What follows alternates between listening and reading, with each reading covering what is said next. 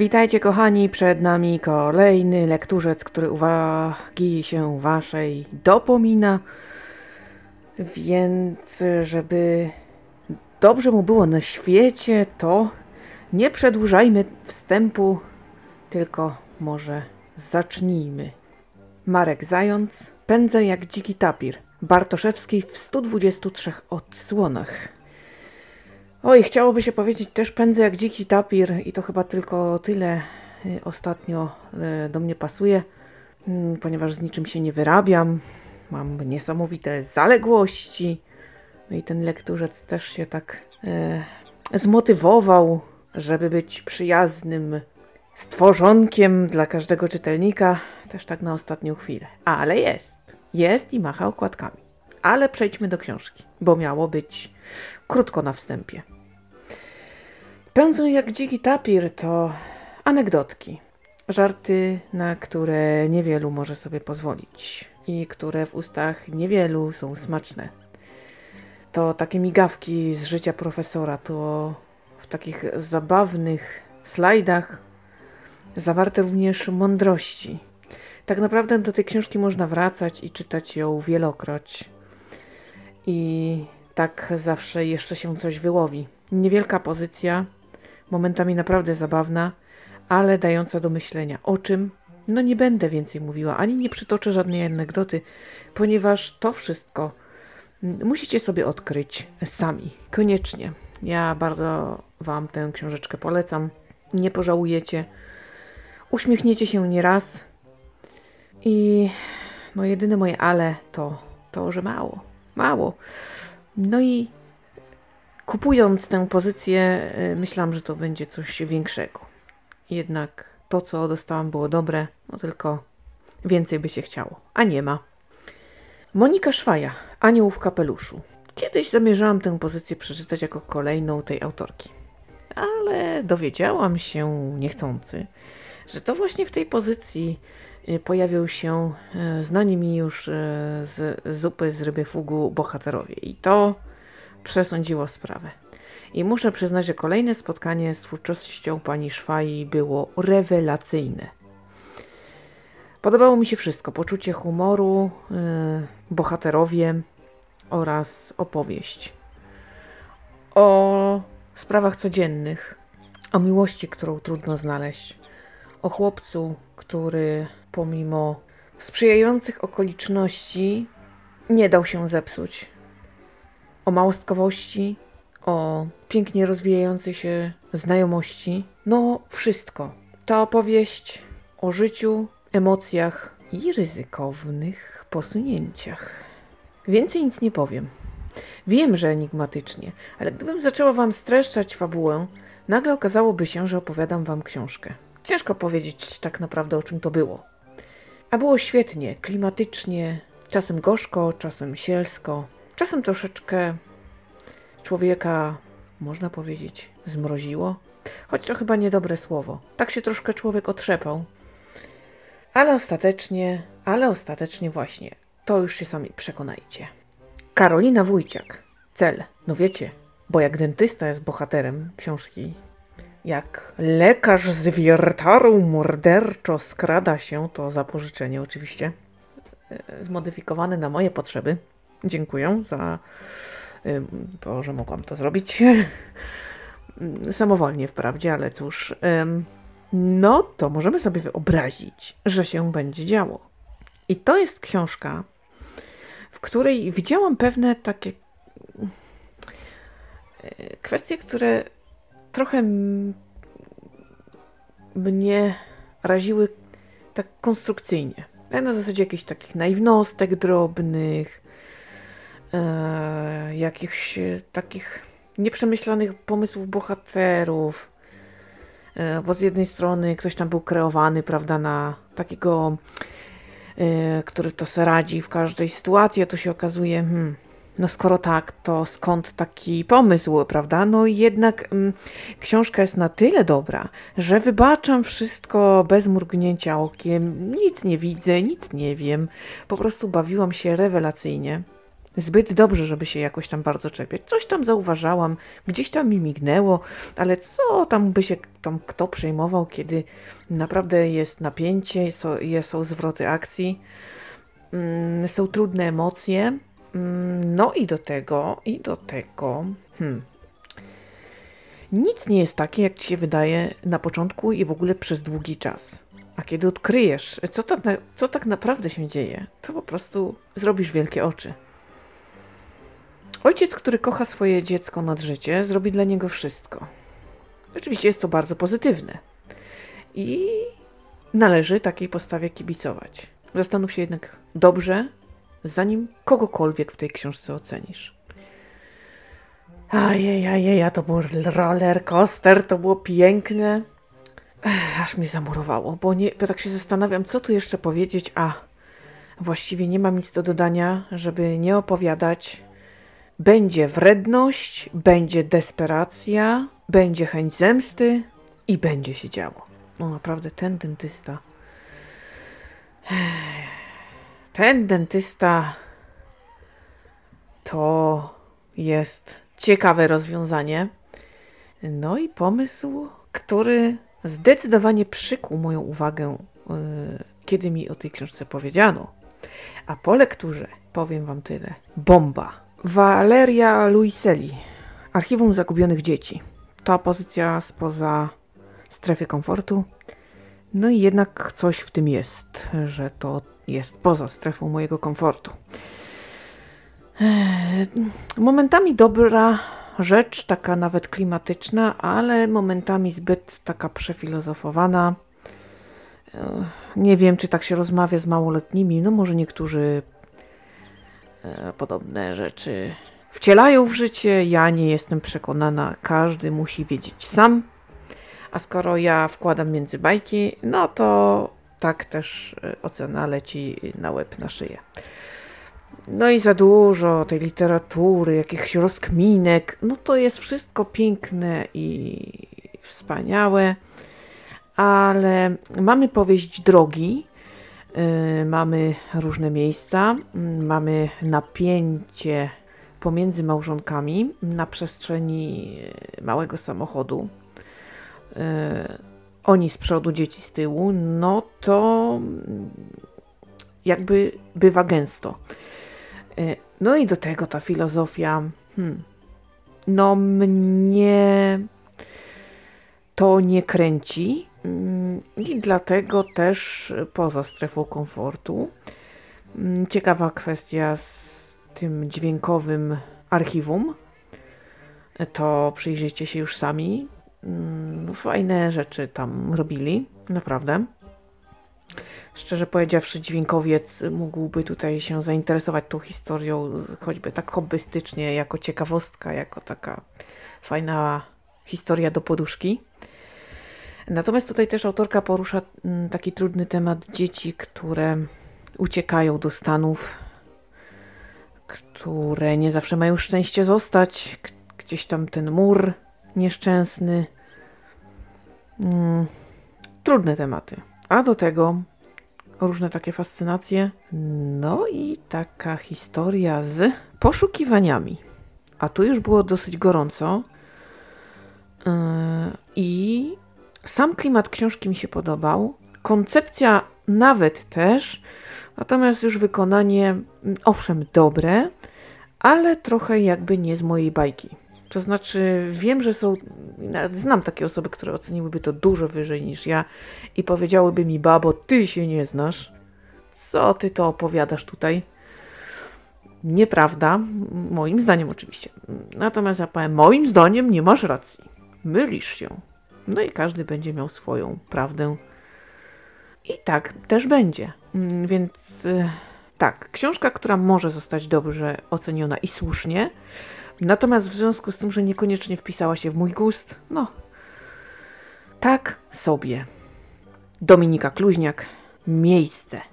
O tej książce usłyszałam mm, pierwszą taką wzmiankę mało pochlebną. A nudne, nic się nie dzieje. Hmm, hmm, nie, zdecydowanie nie. No i zaczęła się właśnie dyskusja o książkach, w których to Wszystko rozgrywa się wewnątrz bohatera. Jest niespiesznie i tak dalej, i tak dalej. Pomyślałam sobie, a to może być ciekawe. A wezmę sobie tak dla przekory. Yy, no może zagustuję w czymś nowym, bo jeszcze czegoś takiego chyba nie czytałam. Przynajmniej nie pamiętam. I to był strzał dziesiątkę. Naprawdę dobra książka, smakowita. Mamy depresję, która właściwie tutaj nie nazywa się depresją. Trzeba dojrzeć do pewnych rzeczy. Trzeba się wyciszyć. Bo to, co do tej pory było w porządku, teraz jakoś nie pasuje. Wiele trzeba zmienić. I to wszystko w samotności, na łonie pięknej przyrody, w towarzystwie psa. Spacery, niespieszne poranki, rozmyślania. Nie brakuje w tym wszystkim oczywiście poczucia humoru. Jest to powieść, w której też nie brakuje rozkminek, oczywiście takich więcej głębokich. Natomiast jest to też y, kawał dobrej, pięknej, prostej historii. Można znaleźć równowagę? Można, kochani, można. I tutaj autorka udowadnia, że właśnie nie trzeba eksponować nie wiadomo jakiej muskulatury intelektualnej, żeby stworzyć naprawdę dobrą opowieść. E, ja byłam zachwycona. Mamy taką codzienność. E, każde zdarzenie do czegoś prowadzi. E, każde zdarzenie coś wnosi i jakoś ubogaca tego bohatera, prowadzi do jakiejś zmiany, do jakiegoś przemyślenia, mm, do kolejnego kamyczka, jeśli chodzi o budowę mm, tego, co się będzie zmieniało i jak się będzie zmieniało i kim ostatecznie e, ten bohater się stanie, jaki będzie. Mm, obserwujemy to w takim tempie, że nic nie umyka, a jednocześnie ogromnie nas ciekawi. Genialne! Jedna z wyższych ocen w tym roku. Pięknie. Bardzo, bardzo polecam. Nic więcej Wam o tej książce nie opowiem, bo co tu opowiadać. Trzeba wejść w ten niespieszny rytm, zobaczyć świat oczami bohatera i dać się ponieść leniwemu nurtowi. Coś wspaniałego. Piotr Kiełbiewski, Anioły i piękne myśli. Taka drobinka dla dzieci i młodzieży, ale ja też przeczytałam z takim zaciekawieniem. To jest właśnie wyjaśnienie o tym, jak to z tymi aniołami jest, jakie są, jak powstają, jak z nami są, jak dbają o swoją populację, co dla nas robią, kiedy, co lubią, czego nie lubią, jakie popełniają błędy, jak umierają i co po nich zostaje. Naprawdę fajne. Sekunda czytania, a doświadczenie niczego sobie. Warto sięgnąć. Naprawdę. Henryka Zarzycka-Dziakowska, mój pamiętnik z Powstania Warszawskiego. Drobinka, pisana przez nastolatkę. Yy, widać, widać rzeczywiście ten zapał, tą wiarę w zwycięstwo, ten patriotyzm, za ojczyznę, to wszystko za ojczyznę, ból i rany, krew, nic to, trzeba iść, trzeba ginąć, trzeba walczyć, to piękne jest. Mnóstwo młodzieży pewnie tak myślało. Ten zapał, taka buńczuczność, taka wiara w, niezachwiana w to, że trzeba, że warto, że tak być musi. Tu jeszcze nie ma miejsca na wątpliwości. Się robi, co się należy. Refleksja pewnie przyjdzie później, ale ten zeszyt pisała przecież nastolatka. I dlatego musimy jej to wybaczyć, bo dzieci wierzą i angażują się całym sercem. I pomimo, że śmierć, strach, że jednak rzeczywiście to się pojawia, płonie wszystko wokół, nawet bezradność widzimy, a mimo to zawsze pada. Tak trzeba, warto, dla ojczyzny wszystko. Więc jaka ta miłość musi być, jak, jak pięknie tutaj krzewiono te patriotyczne odruchy. Fajnie było przeczytać coś takiego. Fajnie, że zachowały się takie zapiski, bo najczęściej czytamy już y, coś, co napisano później, tam już się zdążyło trochę przemyśleć i tak dalej, i tak dalej. A tutaj ktoś sobie zapisywał na bieżąco, to jakoś tam przetrwało i proszę. Bardzo jestem zadowolona z tej lektury, mm, bo to jest taka nowa cegiełka w obrazku, taka namacalna. Oczywiście, że wiedziałam, że tak mogło być i że tak myślano, ale naocznie teraz się przekonałam. Warto było. Jest to tak, są to takie oczywiście migawki, mm, ale na pewno ta relacja dokłada do wiedzy coś nowego. Maria Zatryb-Baranowska, uliczka powstańców. Wspomnienia sanitariuszki szpitala polowego z powstania warszawskiego. Och, myślałam, że polegnę na tym tytule. Te z, z, z, szy, szy,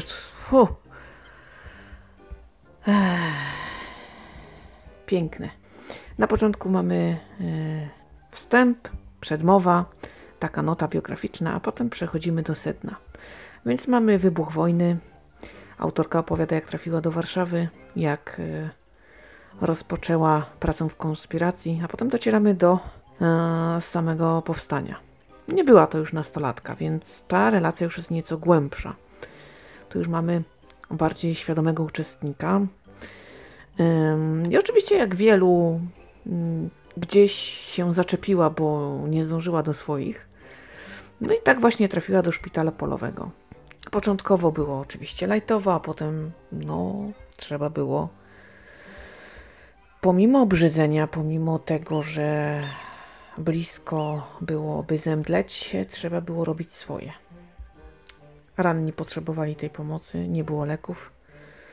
Wielu umierało, bo na przykład się nie zdążyło, bo coś tam się wydarzyło. Niemcy też nie oszczędzali. Oczywiście zwykłe jakieś tam kanonady, strzelaniny, coś to było takie normalne, ale zdarzały się gorętsze sytuacje. Autorka przytacza kilka takich y, operacji, zabiegów, które zapadły jej w pamięć, trudnych oczywiście. Opowiada o śmierci, opowiada o narastającym terrorze, o tym, w jakich warunkach trzeba było pracować, o bombardowaniach, potem o przenosinach i o pogarszających się warunkach, aż w końcu trzeba było uciekać, bo właściwie nie zostało już nic. Opowiada o swojej rodzinie, potem o tułaczce już po powstaniu i o tym, że jakoś tak się wraca na to miejsce, które zapadło w pamięć. I piękna inicjatywa tutaj fundacji, która stara się, aby to miejsce nie popadło w zapomnienie aby można je było zobaczyć. Coś wspaniałego. I pomyślałam sobie, że kiedyś się wybiorę. E, taka wisienka na torcie. No naprawdę warto tworzyć takie miejsca do zwiedzania, żeby poczuć ten klimat, żeby pamiętać, jak to było. Bardzo dobra relacja i cieszę się, że ją przeczytałam. Ja w ogóle zbieram i lubię takie powstańcze historie i tak sobie pomyślałam, że takie sobie drobinki przeczytam i dobrze zrobiłam. Ogóra Toyofumi, zagłada Hiroshimy. Kolejny trudny temat, ale swego czasu bardzo poszukiwałam tego typu publikacji, bo kiedyś na PO przeczytano nam takie ciekawe fragmenty właśnie wspomnień ludzi, którzy zapamiętali wybuch bomby atomowej. I to był chyba jakiś zbiór wspomnień, gdzieś coś mi się kojarzy, mgliście. I ja właśnie bardzo poszukiwałam takich relacji, nie było to łatwe. Jak już coś znalazłam, to jakoś tak zawsze się okazywało, że to nie to. Tym razem chyba również, ale tak, o coś takiego mi chodziło. I mamy tutaj y, relację człowieka, wykładowcy, który gdzieś tam w drodze z zajęć y, przemieszczał się w sobie znanych sprawach gdzieś tam i nagle właśnie doszło do tego wybuchu. Zobaczył błysku, więc padł na ziemię. Chwila nic, potem oczywiście gorąco podmuch niesamowity. I jak się podniósł, to obudził się w rzeczywistości koszmaru. Koszmaru. Yy...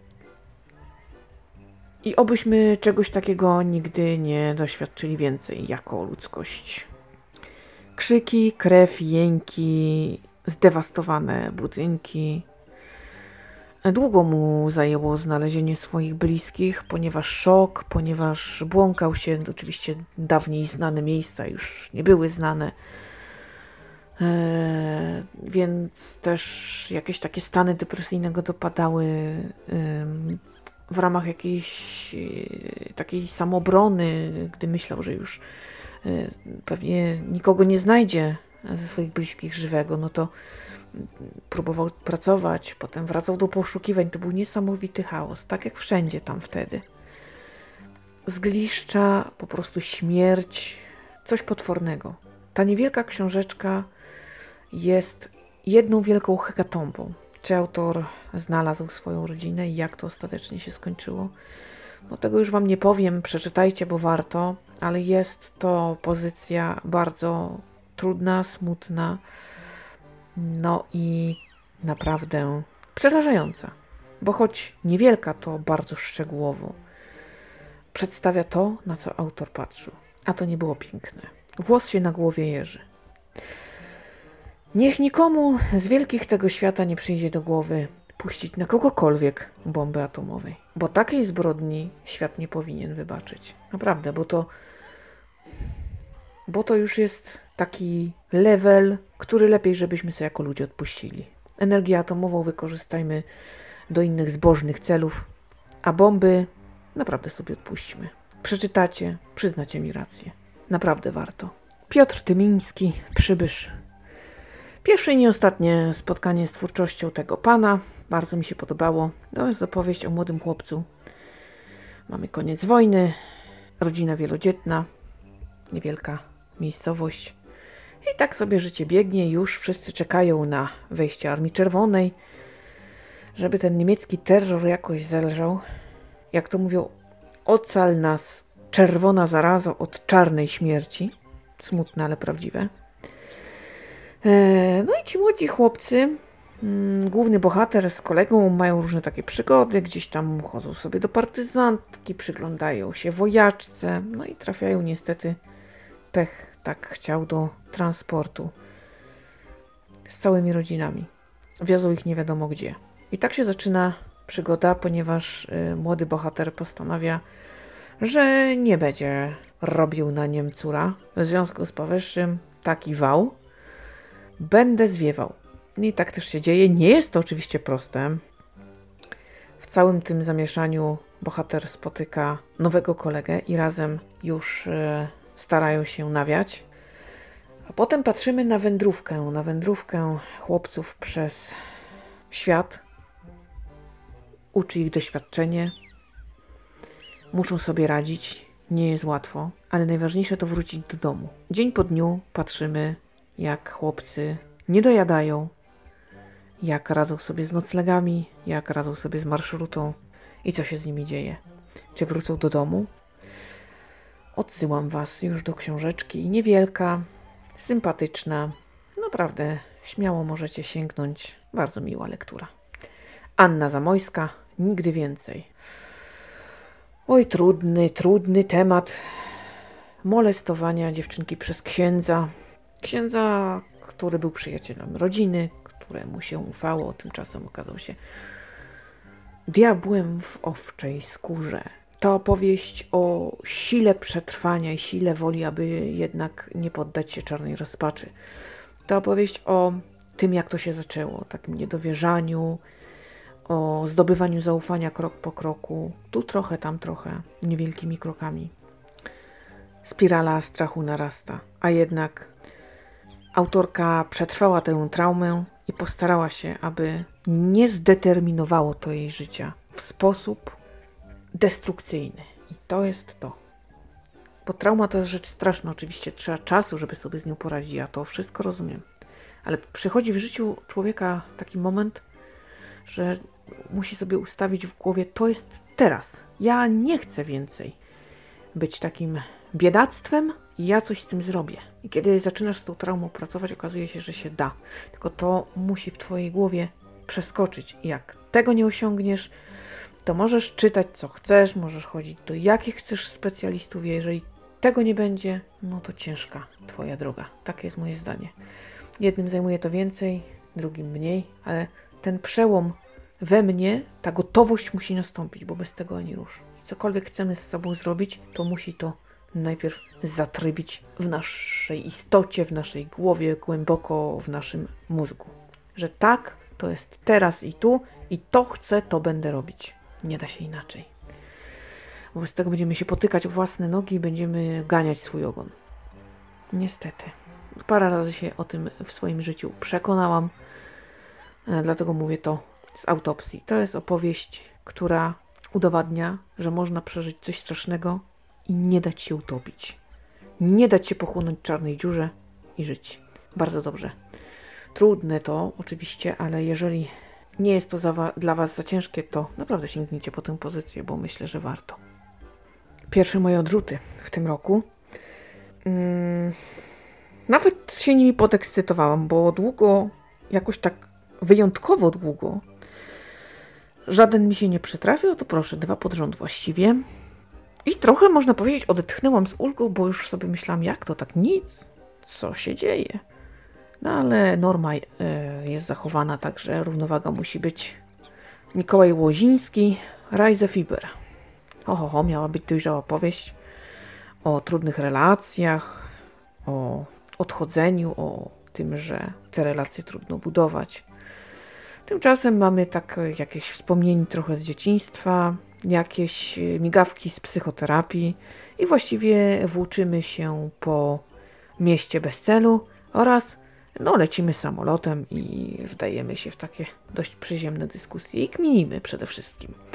No zdecydowanie za długo to wszystko trwało, nie miałam świętej cierpliwości do tego e, i porzuciłam tę książkę, bo e, dla mnie z tego bardzo długiego już chyba wstępu, ile tam się jeszcze coś miało zadziać, no to ten wstęp był tak długi, że mnie już zniecierpliwił i ja nie mam ochoty na więcej. Być może rzeczywiście to jest dobra powieść, ale ja jakoś na razie nie chcę się przekonywać. E, to, co przeczytałam, było nudne, nic mnie w tym nie zastanowiło, więc odpuściłam. Joanna Bagri, Oddech śmierci. Ciekawy pomysł. Nietypowe ułożenie zwłok. Każde zwłoki mają nam coś opowiedzieć. To jest przekaz od seryjnego mordercy. I już przy pierwszej ofierze wiadomo, że będzie następna. Zatem tak naprawdę zaczyna się gorący okres i pełne ręce roboty. Tymczasem ta książka jest po prostu nudna. Poznajemy sobie bohaterów, oni niby coś tam pracują nad tą zbrodnią, oglądają, przejmują się teoretycznie, to wszystko jest. Praktycznie dzieje się to tak niespiesznie, że chyba z dwa razy na tej książce zasypiałam. Hmm Budziłam się, dawałam sobie chwilę na to, żeby zastanowić się, czy mnie to wciąga. No, dla wiadomo e, porządku cofałam się chyba z dwa razy, ale nic to nie pomagało. Dalej zasypiałam, dalej budziłam się i nie byłam szczególnie zainteresowana tym, żeby się ocknąć, powiedzieć: Ojej, coś fajnego się dzieje, muszę wrócić. Boże, co to się ze mną dzisiaj dzieje? Taki jakiś człowiek zmęczony. Już, już, już. Yy, uważam, i wtedy następuje spina, następuje ciekawość i więcej nie ma takich y, problemów. Natomiast tutaj notorycznie, notorycznie głęboki sen, notorycznie jakieś dialogi o niczym. Ci bohaterowie y, coś tam kminią, ale właściwie nie bardzo chyba się spieszą. I tak właściwie sobie na nich patrzymy. Ze zdumieniem konstatujemy, że mamy już z dwa ciała, a oni nadal mają czas w ich życiu właściwie nic się takiego nie dzieje, co by nas przykuło, no to co? Papa książeczko. O, bardzo niska ocena, jak dla mnie. Ja nie kupiłam, nie zatrybiło. Być może jest ktoś, komu się ta książka podobała. Yy, być może ja miałam przeczytać jeszcze kolejne 15% i wtedy by było lepiej. Nie, zdecydowanie nie chciałam już tego sprawdzać. To nie na moje nerwy. Więc no ja osobiście nie polecam. Ale jeżeli znajdzie się tutaj ktoś, kto ma do powiedzenia coś zupełnie innego, to poproszę zostawić e, opinię dla równowagi, bo być może ktoś sobie jeszcze skorzysta. Tyle na dziś. Ja Wam bardzo dziękuję za uwagę i za to, że cały czas ze mną jesteście i subskrybujecie opowiedziane.pl. Dziękuję Wam za te rewelacyjne statystyki, które co tydzień radują moje serducho i naprawdę motywują mnie do wytężonej pracy. No wiem, że teraz się coś wlekę w ogonie, że w ogóle się nie wyrabiam z niczym. E, nie tylko, że podcasty na ostatnią chwilę, ale już w ogóle tyle rzeczy mam do tyłu, że już nie, nie, nie, nie, nie, nie pytajcie nawet, nie będę o tym mówiła w ogóle wszelkie naciski sprawią, że się w sobie zamknę. No. Ale w każdym razie staram się jak mogę i nawet na tę ostatnią chwilę po prostu walczę dzielnie, bo jesteście kochani i motywujecie mnie niesamowicie. Naprawdę bardzo, bardzo Wam za to dziękuję. Po prostu super. Tymczasem to już wszystko z mojej strony. Lekturzec jakoś, jakoś się ma. Eee, ja oczywiście już uciekam. Będę czytać, uczestniczyć. Eee, robię wszystko, żeby nam tutaj historii ani opowieści nie zabrakło. Nic nie wskazuje na to, aby nasz tygodniowy rytm miał być zaburzony, także jest dobrze. To co? Słyszymy się w następnym podcaście. Trzymajcie się cieplutko. Do usłyszenia.